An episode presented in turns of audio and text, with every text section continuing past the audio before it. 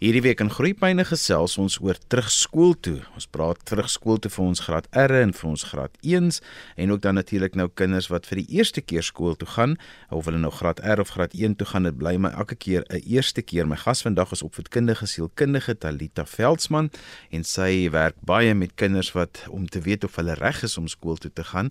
Talita, ek wil eintlik eers begin 'n tree teruggee. Daar's baie kinders wat mos nou nie gereed is vir skool toe gaan nie en dis nogal 'n proses om te bepaal of 'n kind gereed is om skool toe te gaan? Môre Johan, ehm um, ja, skoolgereedheid is regtig 'n proses wat my baie na aan die hart lê. Ek moet sê ek voel baie passievol daaroor want ons as professionele mense sien 'n groot verskil in 'n kind se funksionering op die langtermyn in hulle skoolloopbaan as hulle regtig vir 100% skoolgereed was. So ek verduidelik altyd vir ouers Julle moet onthou dat skoolgereedheid is nie 'n eenmalige proses nie. Dis 'n deurlopende proses wat reeds begin vanaf geboorte. En ek sê vir ouers altyd dit werk soos 'n tafel met vier pote. Ons het verskillende dimensies van skoolgereedheid. 'n Kind moet emosioneel gereed wees, sosiaal, kognitief en perseptueel en dan ook fisies vir die leerproses. En as een van daardie bene van die tafel 'n bietjie wankelrig is, kan die tafel nog staan, die tafel kan nog funksioneer. Maar wanneer meer as een van daardie tafel se pote nog nie 100% funksioneer nie, dan sien ons dat 'n kind regtig waar sukkel in die formele skoolomgewing. Talita, want daar's 'n verskil tussen skoolpligtig en skoolgereedheid. Definitief Johan en dit is definitief iets in ons huidige Suid-Afrikaanse konteks wat vir ouers groot verwarring veroorsaak. So 'n kind wat skoolpligtig is volgens wet volgens wetgewing moet volgens hulle ouderdom skool bywoon. 'n Kind wat skoolgereedheid, skoolgereed is, beteken hulle het die rypheid bereik waar hulle sal baat vind by 'n gestruktureerde skoolomgewing. Nou ek dink jy saam met my saamstem. Skool en opvoeding het baie verander vanaf 'n dekade terug. Um as ons net kyk na die kurrikulum van die graad R heidaglik in vergelyking met wat hulle 'n paar jaar terug gedoen het, is dit baie baie anders en dis baie meer formeel, baie meer gestruktureerd. So daar word baie meer van ons kleintjies, van ons tipiese 6-jarige verwag in graad R. Um en daarom is dit ook belangrik om seker te maak jou kind is gereed om daardie eise te kan hanteer. Anders sien ons later van tyd dat hulle emosioneel nie daardie eise kan hanteer nie en dan sien ons sekere gedragsreaksies by ons kinders kinders is oor die algemeen baie opgewonde om skool toe te gaan. 'n Mens um, kan dit aanvoel in die huis, dit is tyd vir skool toe gaan. Maar daar is ook kinders wat ongelooflik skaam is en hulle is opgewonde, maar die ouers is baie keer besorg oor die feit dat hulle so skaam is. Ja, Johan, ek dink dit is belangrik om te onthou dat jou kind het sy eie unieke temperament en sy eie unieke geaardheid. So hoe jou kind reageer is nie dieselfde wat byvoorbeeld jou bure se kind of jou kind se maatjie gaan reageer nie. So ken in die eerste plek jou kind en weet ook hoe jou kind reageer op verandering. Dit is verskriklik belangrik. En in die tweede plek normaliseer daardie gevoel van bang of vrees by jou kind. So as jy kan sien jou kind is byvoorbeeld opgewonde om die nuwe skoolklere aan te trek, maar wil môre dit nie weer aantrek nie of raak emosioneel, sê vir jou kind, dis oukei okay dat jy so voel. Mamma of pappa voel ook soms so as ek na 'n nuwe plek toe moet gaan of by 'n nuwe werk moet begin. Dis ook egter baie belangrik oor hoe jy praat oor jou kind voor ander mense. So wees bedag daarop dat jy nie voor ander mense sal sê o Pietie is verskriklik bang om skool toe te gaan nie want jy weet hy's dan mos 'n baie skaam kereltjie nie.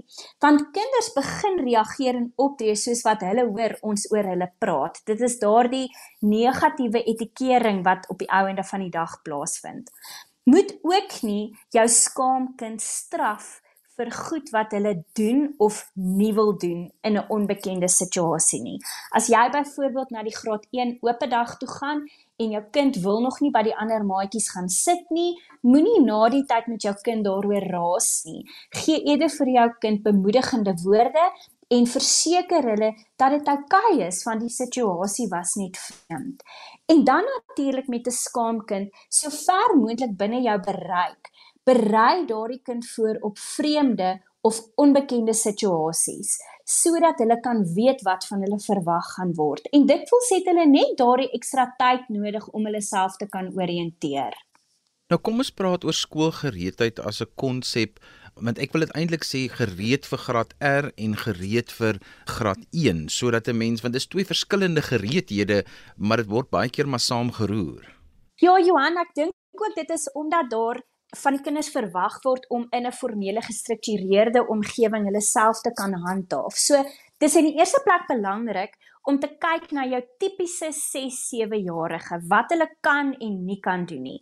So net om 'n paar goed te noem byvoorbeeld, jou jou tipiese 6-7 jarige is geweldig egosentries en hulle wil altyd die middelpunt van aandag wees. So baie keer sal 'n ouer byvoorbeeld by my kom en sê, "O, hulle dink nie hulle kind kan skool toe gaan nie want hulle kan definitief nog nie deel nie en dit gaan net altyd oor hulle en hulle wil net hulle eie sin hê. En ek wil dan ouers die versekering gee, dit is baie normaal. Um kinders in daardie ontwikkelingsfase is baie egosentries en selfgesentreerd. Jy sal ook raak sien, hulle wil altyd eerste en die beste wees, so geweldig kompeterend. Hulle kan dikwels ook soms vreeslik laf wees en goeders doen um, wat eintlik bietjie buite hulle geaardheid is en dan terselfdertyd 5 minute later opponerend wees wanneer daarvan hulle sekere goed verwag word. Hulle kan ook baie emosioneel reageer en huil soms maklik. Um en hulle leer nog hoe om sosiale verhoudings te bestuur. So moenie net van jou kind verwag om in graad R of graad 1 dadelik nuwe maatjies te maak as dit 'n vreemde situasie is nie. Verwag ook dat daar heelwat sosiale konflik gaan wees met ander, want hulle leer nog hoe om maats te maak, maar ook hoe om daardie verhoudings te kan handhaaf. So dis baie belangrik om te kan onthou Jou kind se ontwikkelingsfase lê sentraal tot hierdie proses van skoolgereedheid vir graad R en graad 1.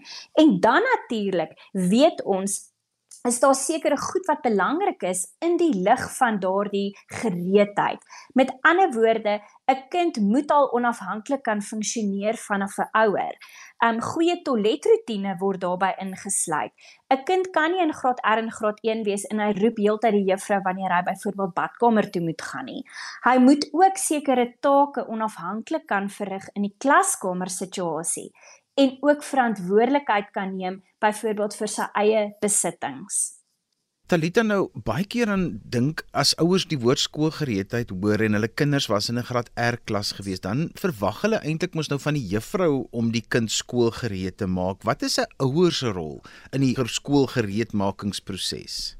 Ja Johan, ons sien dikwels dat ouers daardie verantwoordelikheid um net op die skool en op onderwysers plaas. En en ja, jou kind spandeer 'n groot gedeelte van die dag by die skool, maar jy ken jou kind die beste en ekstra stimulering en bepaalde gedragsaspekte moet in die in die huislike situasie plaasvind. Byvoorbeeld, As jy nie 'n rotine volg by die huis waar daar teen 'n bepaalde tyd gebad word en geslaap moet word nie, kan jy nie van jou kind verwag om in 'n skoolomgewing by rotine en reëls te hou nie. Ek sien dit baie keer in praktyk waar 'n kind in graad R is en ewe skielik gedragsprobleme toon en wanneer mense regtig dieper delf, dan sien jy maar daar's geen rotine tuis nie. Die kind kan doen wat hy wil, daar word niks van hom verwag nie. So 'n rotine is ontsettend belangrik.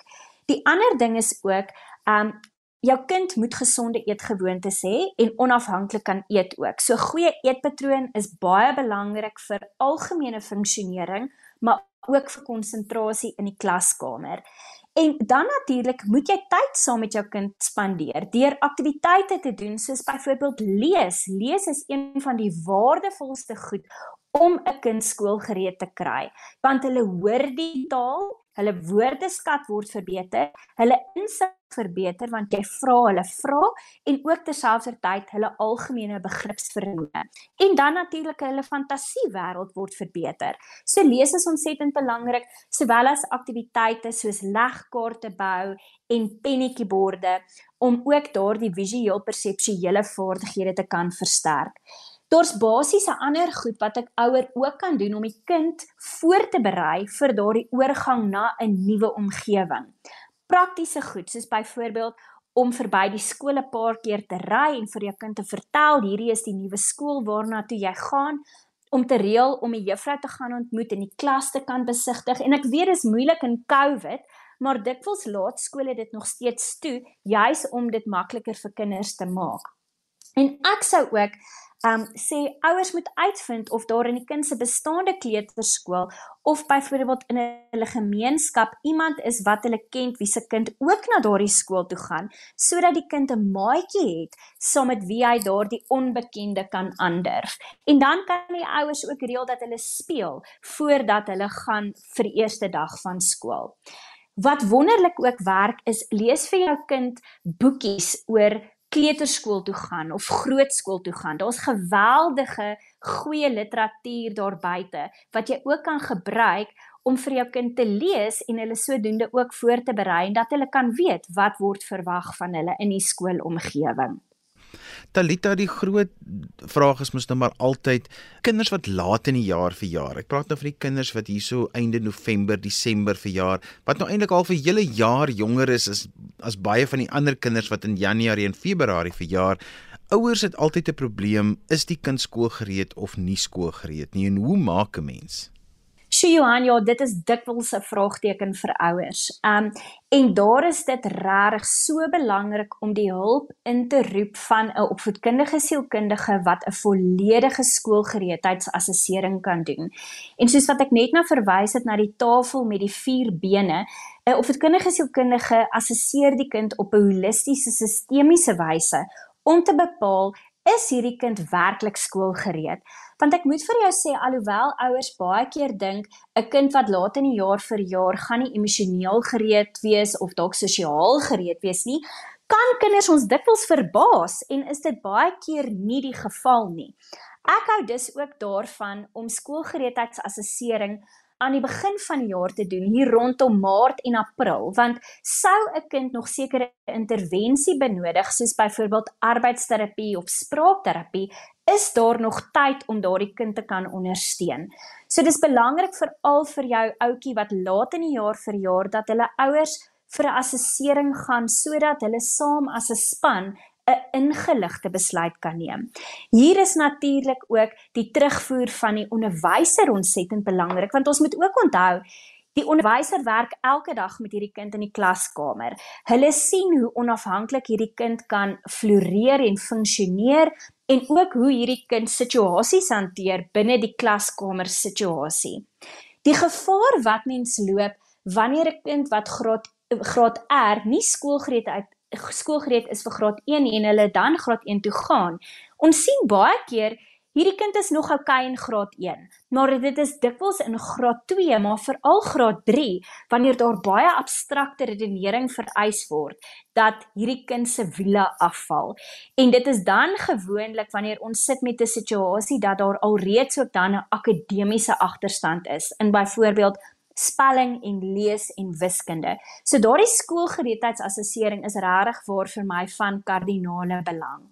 Jy het net verwys na 'n uh, volledige skolastiese evaluering wat jy so opvoedkundige sielkundige doen en um, wat beteken dit presies? Wat behels dit en uh, watter inligting kry jy daaruit om dan vir 'n ouer te kan adviseer of hulle kind gereed is vir formele leer of nie?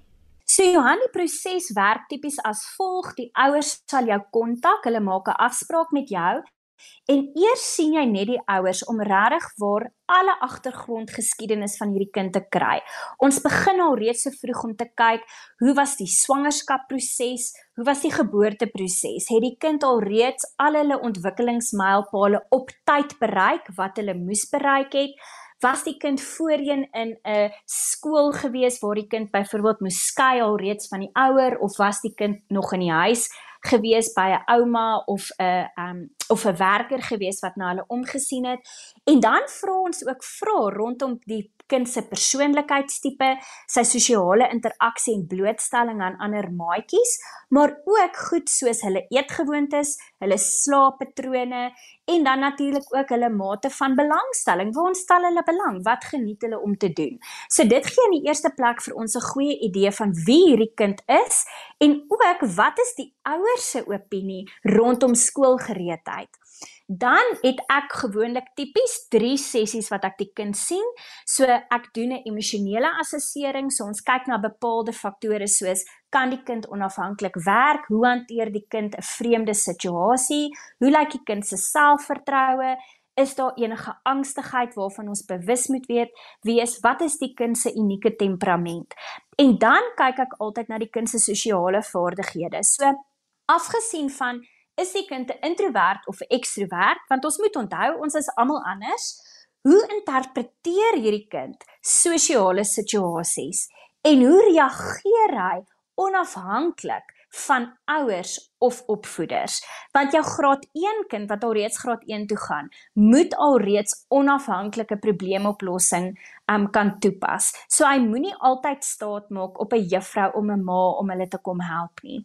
En dan doen ons 'n volle perseptuele kognitiewe evaluering. So ek kyk byvoorbeeld na die kind se taalvaardighede, hulle reseptiewe taal, hoe verstaan hulle taal, maar ook hoe verwoord hy homself en ook dan natuurlik luistervaardighede.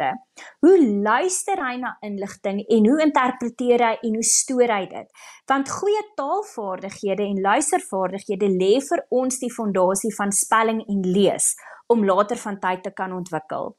En op die perseptuele domein het ons dan natuurlik ook ons visueel perseptuele vaardighede. Met ander woorde, hoe beplan 'n kind 'n opdrag? Hoe werklik konsekwent, hoe gee hulle dit weer op papier wat hulle weet op intellektuele vlak en dit sluit ook dan hulle fynmotoriese vaardighede in. Hoe hou hulle hulle potlood vas? Hoe knip hulle uit? En dan het ons ook natuurlik die fisiese vaardighede. Is die kind gesond genoeg om te kan leer? Kan die kind op 'n stoel sit en 'n tafel gebruik? Hoe lyk sy posturele kontrole? Hoe lyk sy spiertonus? En hoe lyk sy hand-oog-koördinasie? Want daardie faktore is alles belangrik vir die leerproses. En konsentrasie speel natuurlik ook 'n baie belangrike rol in 'n kind se gereedheid vir skool. Talita, as daar nou uitvalle is, nou as ons praat van uitvalle, dan is dit nou maar goedjies wat vir ons na vore tree wat nie in plek is nie. Dan is 'n kind nou in graad R en dan het ouers nou die dilemma van moet ek nou die kind maar deursit na graad 1 toe dat hy probeer of moet hy graad R herhaal? En daar's altyd 'n debat wat is die beste? Beter om 'n jaar te herhaal in graad R of beter om miskien nog 'n ekstra graad 1 jaar te doen? En daar's nooit 'n klinkklare antwoord nie. O, definitief nie Johan. En almal met wie jy praat sal regtig waar verskillende opinies hê. En ons selfs as professionele mense is baie keer in 'n stryd gewikkel juis hieroor. So mens maak nog al 'n 'n 'n ehm 'n baie nes oop wanneer mens daardie vraag beantwoord, maar ek voel baie sterk daaroor en dit is my persoonlike en professionele opinie dat dit vir 'n kind beter is om graad R te herhaal. Die rede daarvoor is Die oomblik wanneer ons in graad 1 ingaan, leer ons akademiese vaardighede aan soos spelling en lees en wiskunde. So graad R is vir ons die fondasie.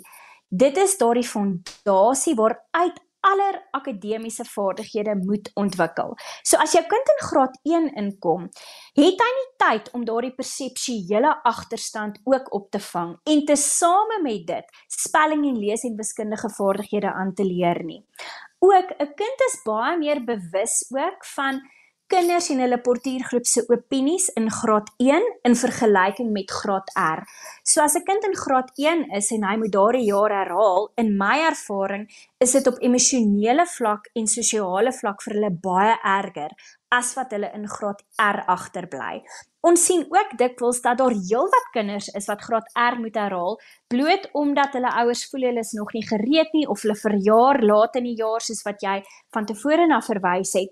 So dit is baie meer die norm vir graad R om te herhaal as dit is vir graad 1s om te herhaal. Maar dit is nie sommer net 'n besluit wat 'n ouer kan neem nie want omdat die kind skoolpligtig is, is daar nog 'n proses wat gevolg moet word.